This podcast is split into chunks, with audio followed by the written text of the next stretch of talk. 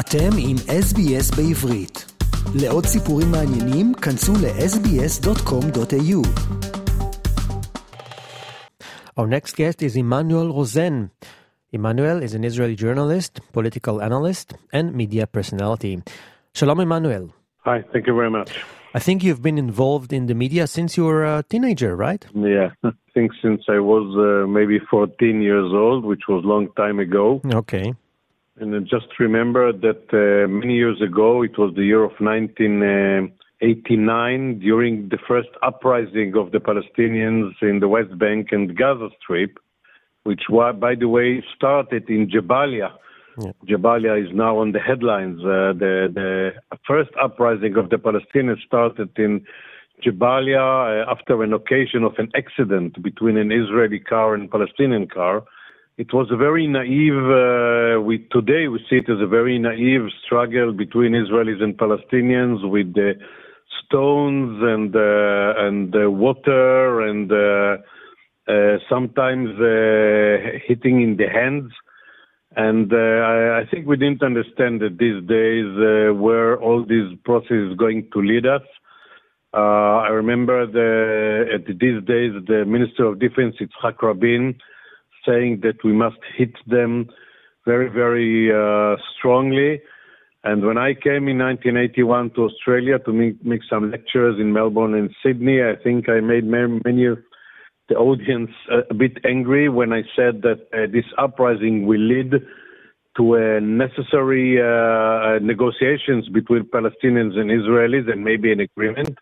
Hmm. And then uh, four years later, we had the Oslo Accords, and the same Yitzhak Rabin, uh, these days already a prime minister, shook hands with Yasser Arafat, which was the leader of the PLO these days. And they started a kind of a process which was uh, ended uh, two years later with the assassination of Yitzhak Rabin. So this is a bit of history which also connects me to the Australian uh, audience. And Thanks for sharing a bit of history. We understand that you're involved in a project that helps the families that evacuated the settlements around Otef Aza. And a couple of weeks ago, we also spoke to Dr. Dganit Biderman, the CEO of Citizen Impact, providing support to people in crisis. The fighting in Gaza is far from being over. However, they say that the real war of those evacuated people will start right after. So, could you tell us more about this project? The reality is the you know the army, the IDF is uh, struggling against the Hamas in Gaza, but the, the civilians that used to live in the settlements around Gaza, what we called Otef Aza, they only started now their struggle for life, economically and uh, uh, mentally. These people um, suffered um, injuries and lost people from sometime. Uh, you know, from their own family, sometimes friends. They saw their settlements getting burned and destroyed, and they have to, to go back to life now. While the government is trying to do things, it's not enough. And uh, this organization, which is led by uh, Ganit, which uh, she's a woman who's taking care for people who are suffering tragedies for more than 25 years. Uh, the basic is to, to give them a personal treatment and to help each one of them through an, orga- an organization of 45,000 volunteers to, to stand on their legs economically, uh, mentally, in, and in all the other ways, um, trying to, to, to stay alive and to go back to life. Uh, whether they will go back to the settlements or they, whether they will choose to live in different places. It's a very long struggle. It's a very uh, tough struggle. It's not going to end uh, in a few months, and I guess that it's going to last far after the the military war will end. And this is what uh, what we are doing in this, uh, um, I would say, organization or company, just trying to meet the people in the settlements and just help them to stand on on their legs. What are the key challenges of all those um, Israeli families who were forced to leave their homes? Well, there, there are many challenges. First of all, they have to decide whether they go back to live in their home. You know, these people, it was, for them, it was much more than a house. It was, uh, it was a dream. It was a place where, where you know, the personal contacts between them and the settlements were much more than just, you know, choosing a house where you where you live. The head of one of these settlements, which was killed in 7th of October, uh, Ophir Libstein, was the head of one of the municipalities, uh, Sha'ar HaNegev, used to say that, uh, you know, in the days of the rockets, of the Tseva Adom, what we call, he said that we live in an area which is 90% paradise and 10% hell. Mm. So now it's 99% hell and 1% maybe paradise. So first of all, they have to decide if they go to live back in their homes. And if they go to live back, you know, they lost their houses, they lost uh, their relatives, they lost their jobs, they lost their faith. Some of them are in um, difficult mental condition. It's a struggle for life, and they have to, to start everything from the beginning. And uh, we we have to do everything to help them because they cannot do it uh, alone by by themselves. And you know, in the seventh of October, the state of Israel left them alone in front of thousands of barbaric people who entered the, the, the state of Israel, murdered and slaughtered and raped and burned their houses. So we cannot leave them alone for the second time. And we must help them, and this is what we are trying to do. And you're talking about the southern part of Israel, but what about the northern part uh, between uh, Israel and Lebanon, where Hezbollah is um, currently in a conflict? What about all these uh, tens of thousands evacuated in the north? You're absolutely right. And uh, even if we are not going to have a large scale war in the north, still we have more than 100,000 uh, citizens from all the communities in the north, which more than three months cannot uh, go back to their home. And in uh, whole cities like Metula, Kiryat Shmona, and other places are empty of people. People lost their homes, their jobs, uh, uh, children are not going to learn in school and not going to their kindergartens. They are spread uh, all around Israel. This is, of course, an unbearable situation. And again, these are people that we have to take care for them, to help them to st- stand on their legs, um, trying to to survive economically and mentally, and being prepared to go someday back to their homes. So. Uh, even though in the north we didn't have the same uh, catastrophic story like there was in the south, for them, they are also they are far from their homes. They are exiled uh, out of the north. And uh, again, uh, you, are definitely right. These are mm-hmm. people that we have to take care for them also. Are all those relocated people from the kibbutzim and moshavim, and doesn't matter if they come from the south or north of Israel, do they manage to keep their community structure together even if they are currently not home? Of course, uh, you know, uh, you know, in the last uh, days, in the in the first days, in the first weeks, the communities uh, stayed together very, very strongly. But I'm afraid I must tell you that uh, it changes.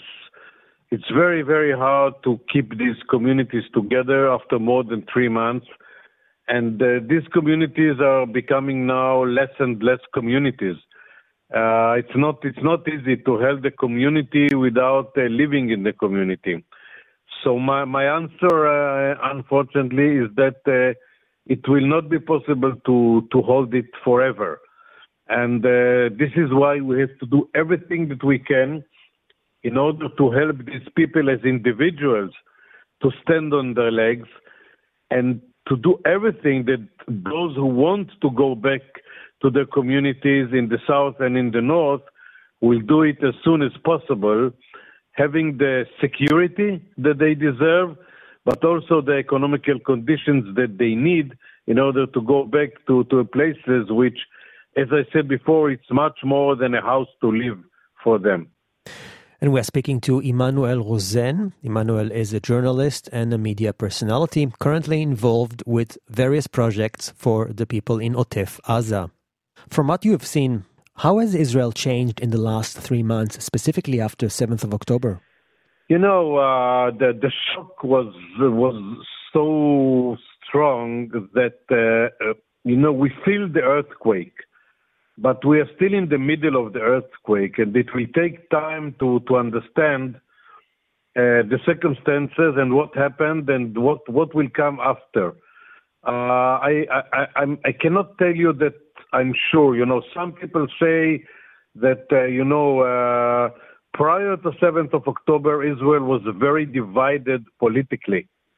So some people say that uh, these events will make Israel united again. And some people say the, the, uh, exactly the opposite, that these events will divide Israel to, to very, very strong two groups who are fighting each other.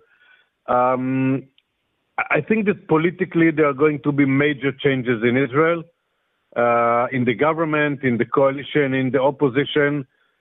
I think that the, the army should uh, think very, very good why why it happened, what happened, and um, and definitely there are going to be a lot of changes. Um, but I think it's too early to know. You know, we are still in a deep dust cloud that covers all this country and uh, we can guess what's going to happen, but I think it's too early. But uh, this is definitely the most dramatic and traumatic event that uh, Israel uh, had since 1948.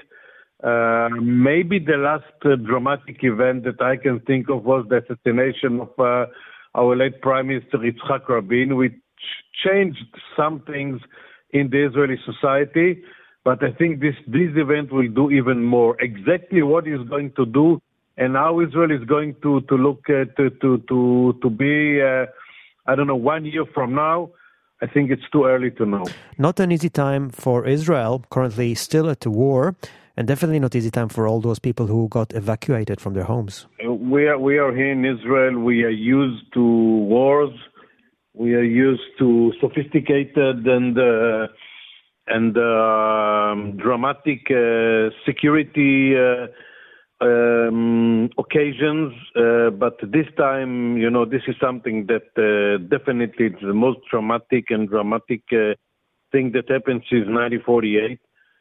And we need your help. Uh, everyone, the, every, everyone in everything that you can do counts. Every help counts. Every support. Every voice as I said, every dollar, um, and I'm sure that together we will overcome. Uh, we are still in the middle of it, but I think that together we will overcome it. Okay, Emmanuel Rosen, a journalist and a media personality in Israel. Thank you so much for speaking to us today about uh, what you do, and good luck in the future. Thank you very much. Thank you. רוצים לשמוע עוד סיפורים? האזינו דרך האפל פודקאסט, גוגל פודקאסט, ספוטיפיי, או בכל מקום אחר בו ניתן להאזין לפודקאסטים.